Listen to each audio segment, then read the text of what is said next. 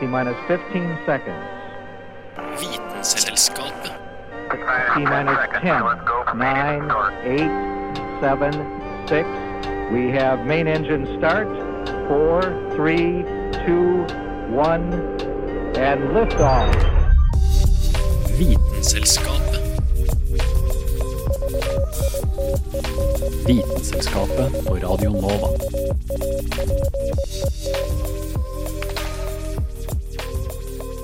Hvor ofte tenker du på alle de tusen systemene som går knirkfritt inne i kroppen din hele tida? Et utrolig nettverk som oss mennesker har brukt tusenvis av år på å prøve å finne ut av. Vi er fortsatt ikke helt i mål, men oss begynner å kunne ganske så mye. En av de viktigste delene i maskineriet som er kroppen, er kjertler. Det kan være i forbindelse med fordøyelse, fòring, kamp eller et utall andre ting. Denne uka skal vi få høre om alskens kjertler. Noe for alle. Menn sine favorittkjertler, nemlig pupper. Unger sin favoritt, dinosaurkjertler. Og skal òg få høre om kjertlene som sender oss alle inn i puberteten, og noen spesielle kjertler hos dyr. Jeg heter Carl Adam Skvam, og nå skal vi kose oss med en halvtime med Vitenselskapet. Vitenselskapet. Vitenselskapet på Radio Nova.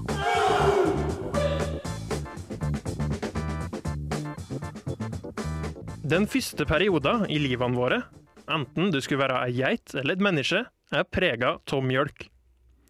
Mjølk gjever fra mor for å helle oss i live og friske. Men hvorfor er det blitt sånn? Og hvordan blir den logga?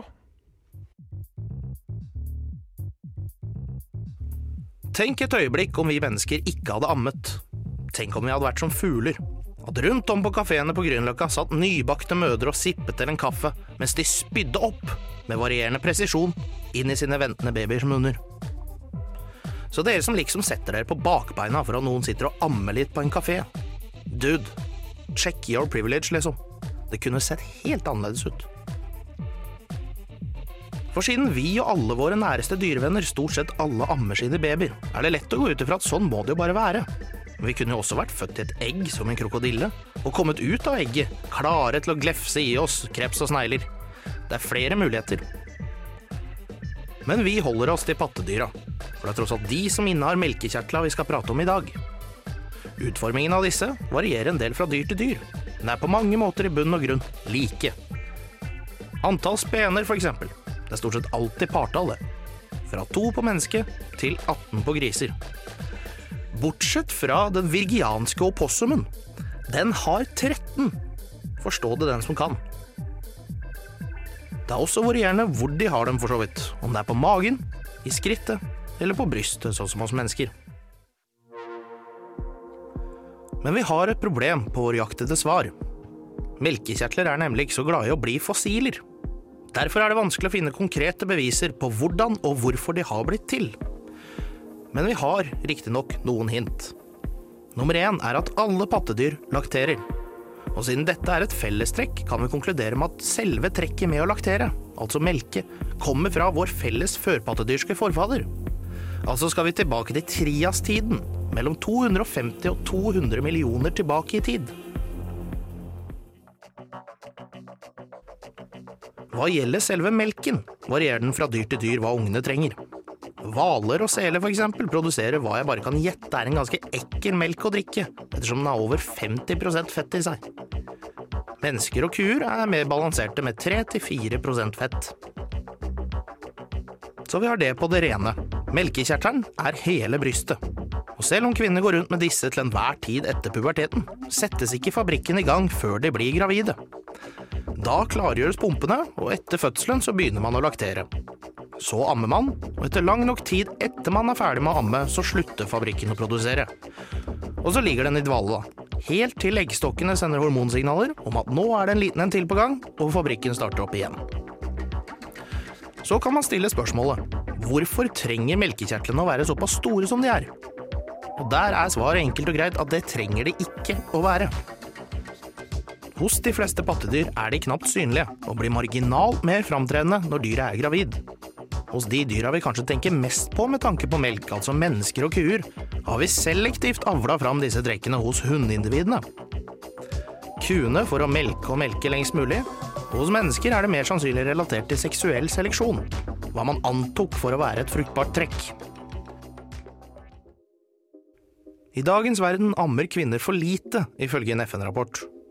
820 000 barnedøder årlig regnes å kunne vært forhindra hvis de hadde vært ammet i det hele tatt, eller ammet mer. Det er ganske mye, egentlig. De gjeldende rådene er eksklusivt å amme barnet til det er seks måneder gammelt, så introdusere annen mat, mens man fortsatt ammer til barnet er mellom ett og to år gammelt. Dessuten, skulle du like kaffe, eller ta deg en øl i ny og ne, eller til og med røyke, ikke slutt med amminga. Prøv å røyke en plass hvor babyen din ikke befinner seg, da. Men melka blir altså ikke giftig. Vi kan altså konkludere med at verden trenger mer amming, ikke mindre. Så dere kafépurister, dere offentlighetens ammenektere, undo the calamity that are your memories, og hakuna your tatas, og la folks memories, som faktisk er i bruk, være i bruk.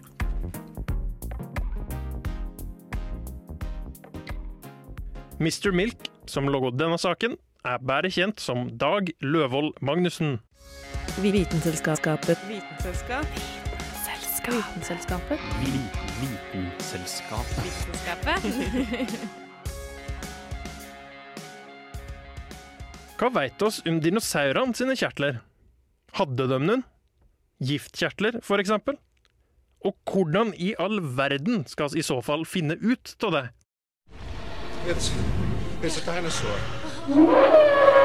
The previous rulers of our planet, the dinosaurs, reigned for 150 Dino DNA. Clever girl. Really spectacular. Spared no expense. Dag Dramers dinohjørne. Spared no expense.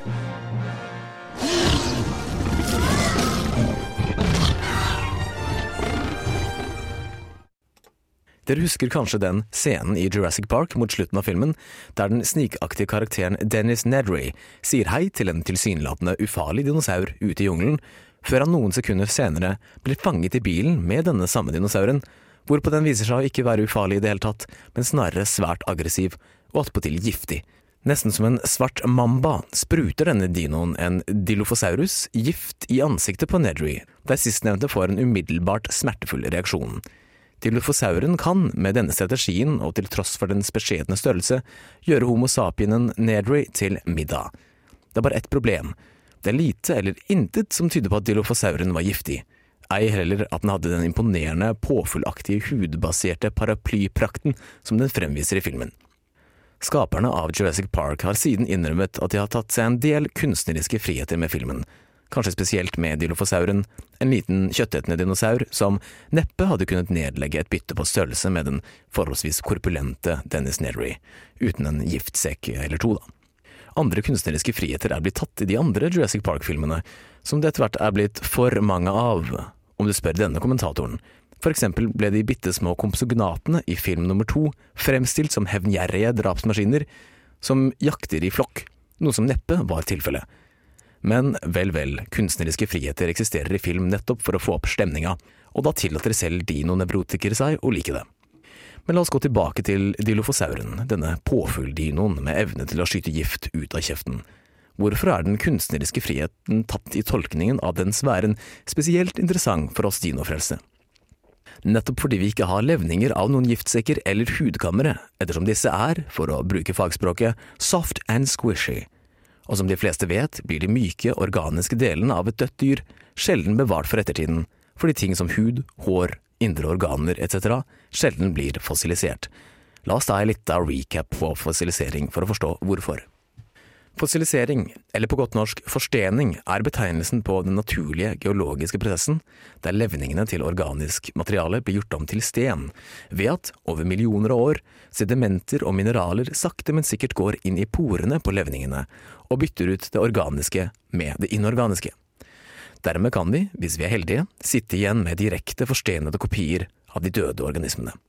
Noen fossiler er såpass finkornede og eksakte at vi kan få svært presise bilder på hvordan kroppsstrukturen til visse skapninger var.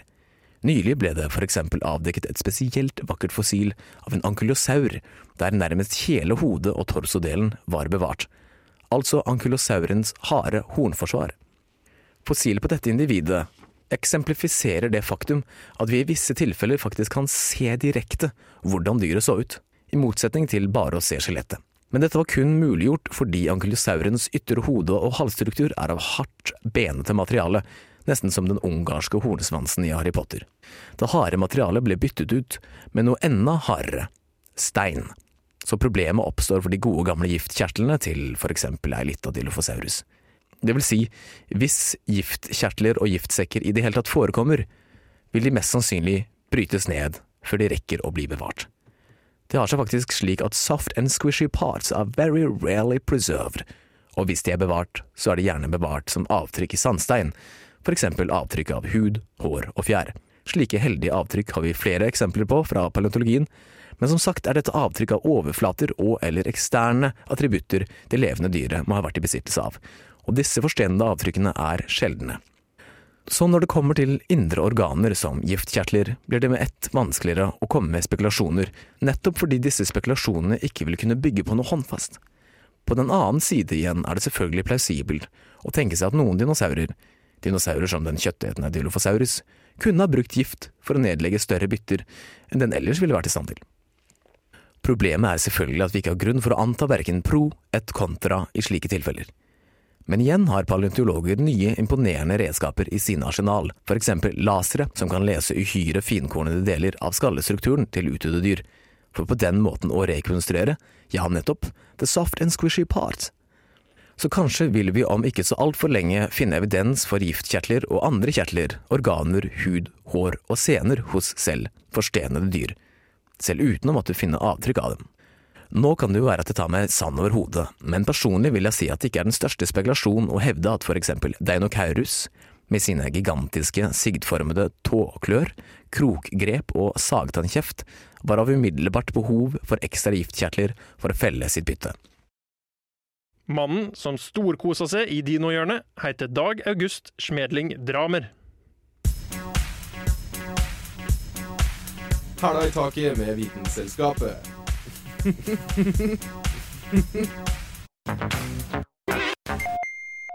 Visste du at du er fullstendig dekt av kjertler? Vi var jo originalt dekt av hår, og de må ivaretas på et eller annet vis. Denne delen av oss alle heter talgkjertler. Kjertlene beskytter oss fra fukt, tørke og skadelige stoff. Nå skal vi få gjenhør med det som sitter utapå talgkjertlene, nemlig pels. På katten din er det helt ok, men møter du et annet menneske med store mengder av det, syns du nok at det er litt rart. Jeg snakker ikke om poter, men om pels. En gang i tida så hadde vi mennesker, i likhet med de fleste andre pattedyr, som katter, aper og rotter, betydelig mer hår på kroppen. Eller pels, om du vil. Men noe skjedde med oss som ville ta oss i en helt annen hårløs retning enn de andre dyrene vi levde sammen med på savannen i Afrika. Hva skjedde? Og hva er egentlig forskjellen på de hårene vi har nå, og den pelsen som katten vår besitter?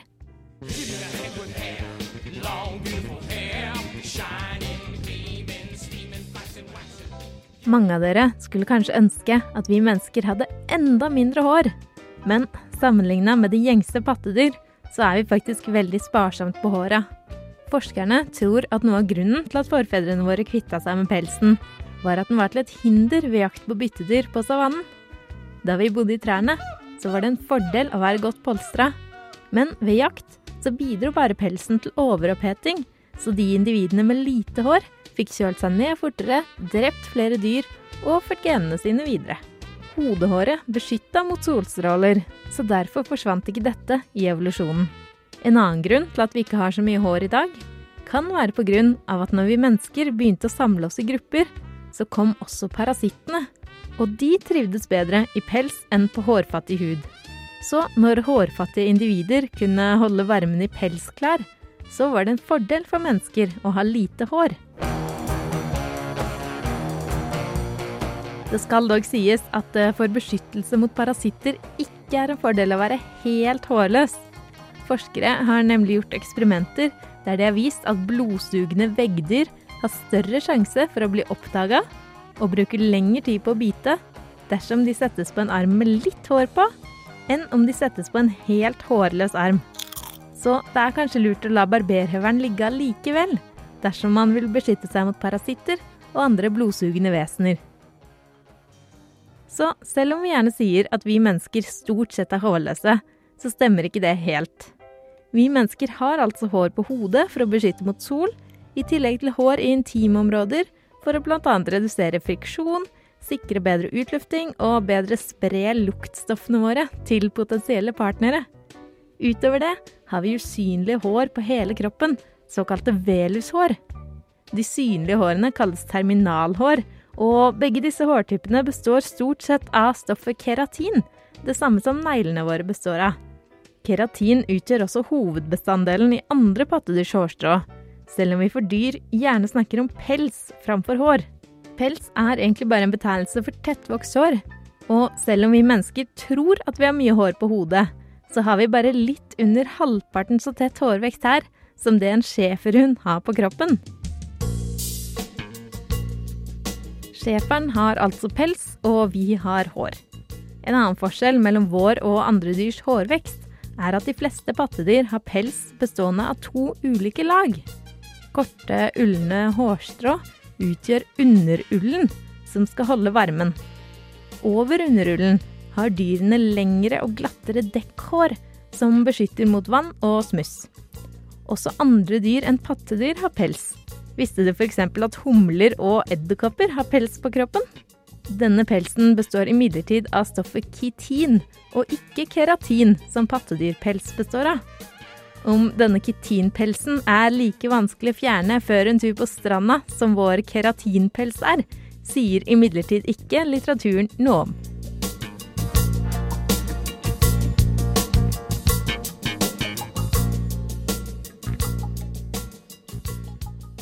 Denne hårreisende saken var logga av Hanne Grydeland.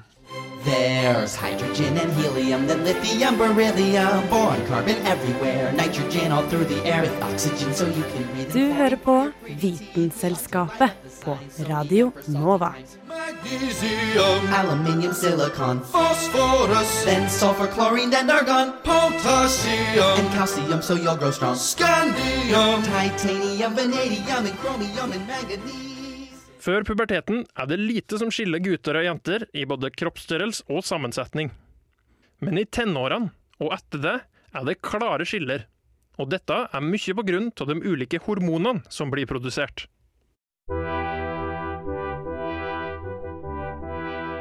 Bare tenk på et helt menneskeliv. Man begynner som en nyfødt unge, gjennomgår pubertet, og så vokser vi gradvis frem til en voksen person. Og ja, kanskje du også reproduserer deg. Regissøren bak alle disse endringene er det endokrine systemet. Og det styrer kroppens hormonproduksjon. Vanligvis forbinder vi vel nok hormoner med puberteten eller kjønnsdrifter. Vi kvinner har vel fått hørt en gang iblant Har du mensen, eller? Og vi vet jo alle hva det betyr. Du er ustabil, sur, gretten og overfølsom. Og det er vel kanskje det man forbinder hormoner med, nemlig humøret. Men hormonene i kroppen vår styrer langt flere oppgaver enn det. Det styrer søvn, kroppsvekt, regulerer sult og metthetsfølelse, sørger for at vann- og saltbalansen i kroppen er rett, og at immunforsvaret fungerer optimalt. Det er med andre ord veldig bra at hormonene raser rundt i kroppen vår. Og uten de, så hadde vi ikke levd. Hormoner er samlebetegnelsen på forskjellige kjemiske forbindelser som blir produsert av endokrine kjertler. Og endokrine kjertler er kjertler eller organer som tømmer produktene sine rett ut i blodet. Og så vandrer de til måleorganet og utløser en bestemt respons. Hormonene blir altså transportert med blodet, som betyr at de kan nå til alle kroppens organer og vev. Så la oss komme med noen eksempler. Og hva er vel bedre enn å starte med det mest innlysende, nemlig puberteten. Hos menn begynner puberteten med at testiklene skiller ut testosteron.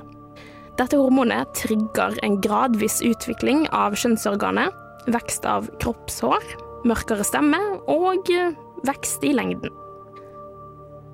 Hos kvinner er det østrogen som står for kjønnstrekkene. Eggstokkene skiller ut dette hormonet, og det stimulerer endring av kroppen og vekst av livmorens vegger. Dette er for å forberede seg til mensen eller graviditet. Både menn og kvinner har disse to hormonene, altså testosteron og østrogen, men i forskjellige mengder. Begge disse hormonene spiller en rolle i graviditet, sammen med om lag ti andre hormoner som forsikrer at fosteret vokser, at man kan føde og får i gang melkeproduksjon. Sånne voldsomme hormonendringer er også assosiert med humørendringer.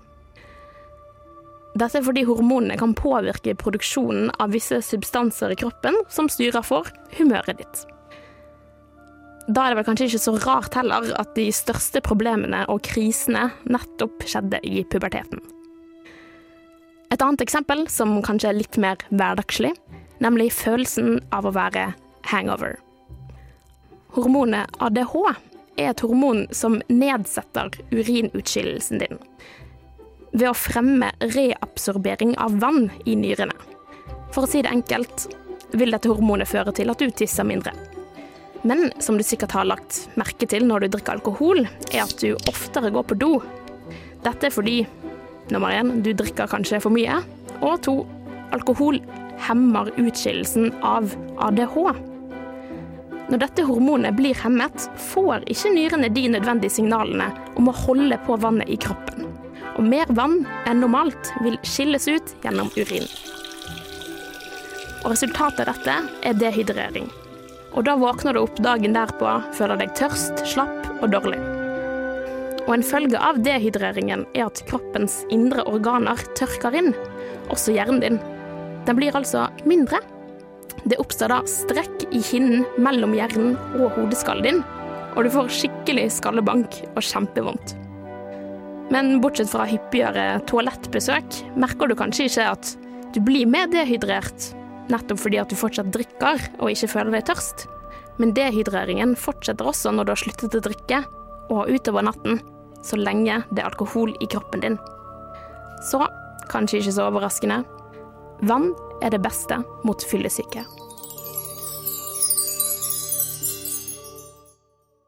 Denne saka var logget av Anna Vik Rødseth. Vitenselskapet. Vitenselskap. Vitenselskapet. Vitenselskapet. Vitenselskapet. I løpet av denne sendinga har vi hørt at mennesket har en god del kjertler. Men det har naturlig nok dyr òg.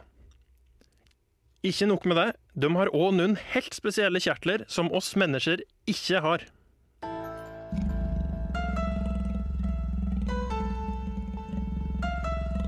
Det er klart, løver, tigre, bjørner, ulver Alle sånne store dyr med klør og tenner kan være skumle, og potensielt drepe oss mennesker om de får anledningen. Men eh, ofte er det mye mindre dyr som er de mest dødelige. Rett og slett for at de kan drepe oss med ett bitt eller ett stikk. Det er fordi de har kjertler med gift, som de på forskjellige måter overfører til offeret sitt. De dyrene som kanskje er aller mest kjent for sin gift, er selvfølgelig slanger. Og de giftigste slangene kan drepe omtrent momentant. Hoggormen, som har fått status som et fryktelig vesen i norske skoger, har egentlig såpass svak gift at det bare gjør vondt om man blir bitt. Andre typer slangegift er verre og slår ut på forskjellige måter. Noen utløser hjerteinfarkt, angriper blodet i kroppen eller nervesystemet. Giften til den asiatiske slangen R. tigrinus virker på det sistnevnte, men det er kanskje ikke riktig å si at det er R. tigrinus sin gift?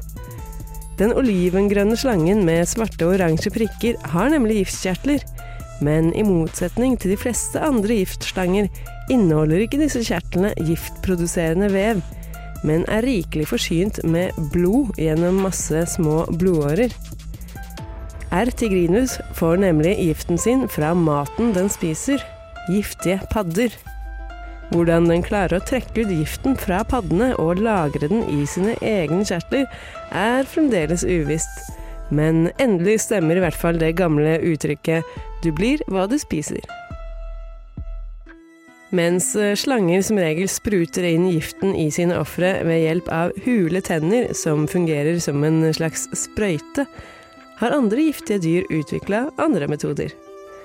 En av disse er komodovaranen, som egentlig er et helt forferdelig dyr. Denne gigantiske øgla har giftkjertler som går langs kjeven, og når komodovaranen biter til, skvises giftkjertlene slik at giften tyter ut. Denne giften vil ikke drepe deg momentant. Denne giften vil drepe deg sakte. Det som skjer hvis du blir bitt, er nemlig at blodet ditt mister evnen til å koagulere. Så selv om du klarer å løpe fra komodovaranen etter angrepet, får du ikke stoppa blodet. Varanen kan bare følge etter deg helt til nok blod har rent ut av kroppen din, slik at du ikke lenger klarer å holde deg oppreist. Og voilà! Et enkelt måltid. Ja, det er grusomt.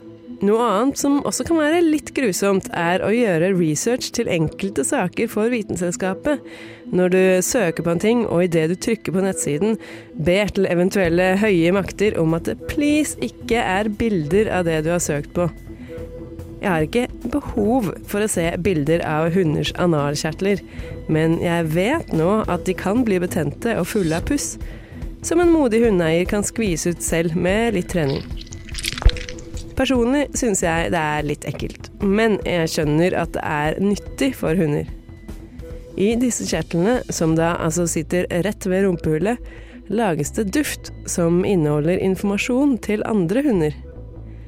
Det er jo veldig kjent at hunder snuser hverandre i rumpa, og når en hund bæsjer, blir bæsjen markert med lukt fra analkjertlene.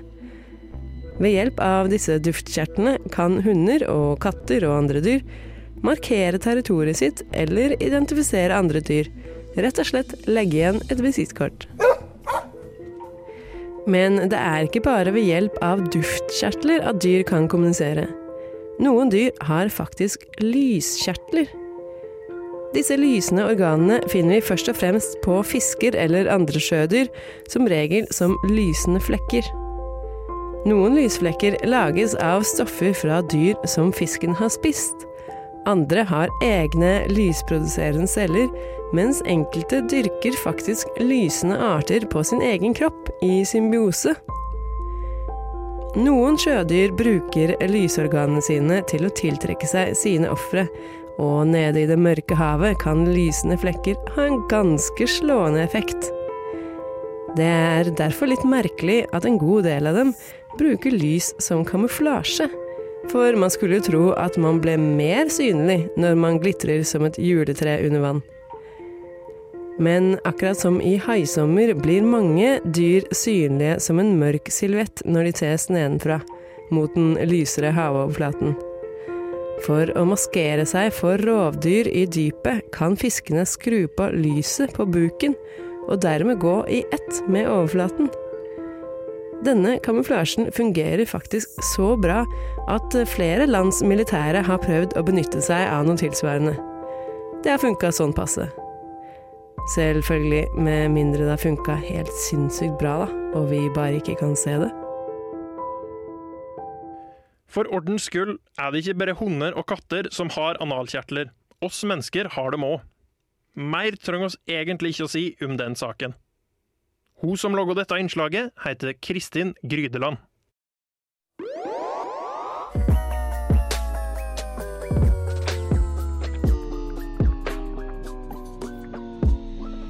Vitenselskapet.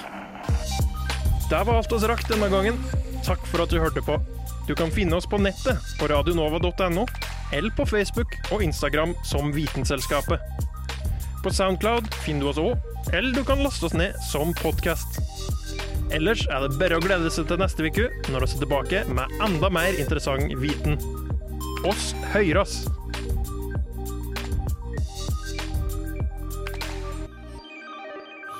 Vitenselskapet. Shut up! Shut up! Shut up! Shut up! Shut up! Shut up! Shut up! Radio Nova. gir seg aldri.